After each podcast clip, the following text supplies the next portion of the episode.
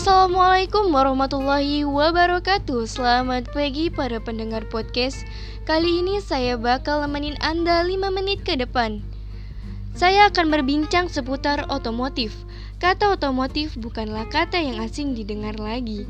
Buat kalian yang memiliki kendaraan bermotor, menjaga dan merawat sepeda motor itu penting, supaya kondisi motor kamu tetap prima dan nyaman saat digunakan. Merawat motor tidak harus ke bengkel. Kamu juga bisa melakukan perawatan motor kamu sendiri di rumah. Apalagi dengan kondisi seperti sekarang ini yang masih belum bebas ke mana-mana. Kali ini aku bakal kasih tips perawatan motor yang bisa kamu lakukan sendiri tanpa harus ke bengkel. Yang pertama, mencuci motor. Daripada di rumah tidak ada kegiatan, lebih baik cuci motor kamu. Gunakan sabun pencuci motor atau sabun yang tidak bisa merusak lapisan cat bodi motor.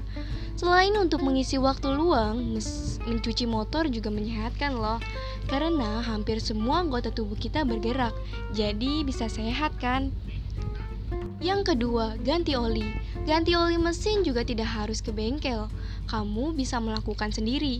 Penggantian oli mesin secara rutin sangat perlu supaya performa mesin kamu tetap terjaga dan mesin kamu tetap sehat.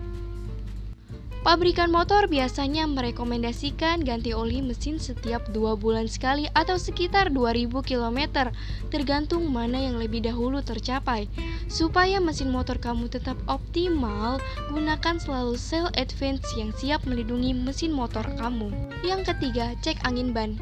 Kondisi ban motor juga dapat mempengaruhi kualitas berkendaraanmu. Misalnya, tekanan ban motor yang terlalu tinggi dapat membuatnya lebih mudah pecah saat digunakan berkendara di jalan. Lalu, tekanan ban motor yang terlalu rendah juga akan mempengaruhi kepekaan kendaraanmu saat melakukan pengereman. Selain itu, permukaan ban motor yang mulai aus juga dapat mencelakai kita.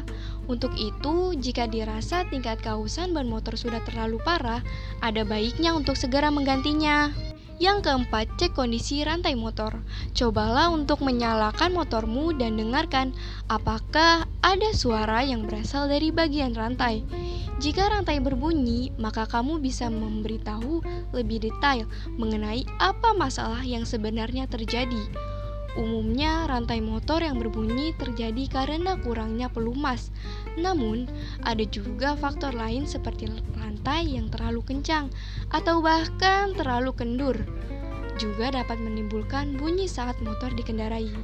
Nah, itu dia tipsnya. Aku mau kasih tahu nih ke kalian. Kira-kira ada yang sudah pernah dengar apa itu Astra Auto Shop? Atau sudah tahu tetapi tidak tahu apa itu Astra Autoshop.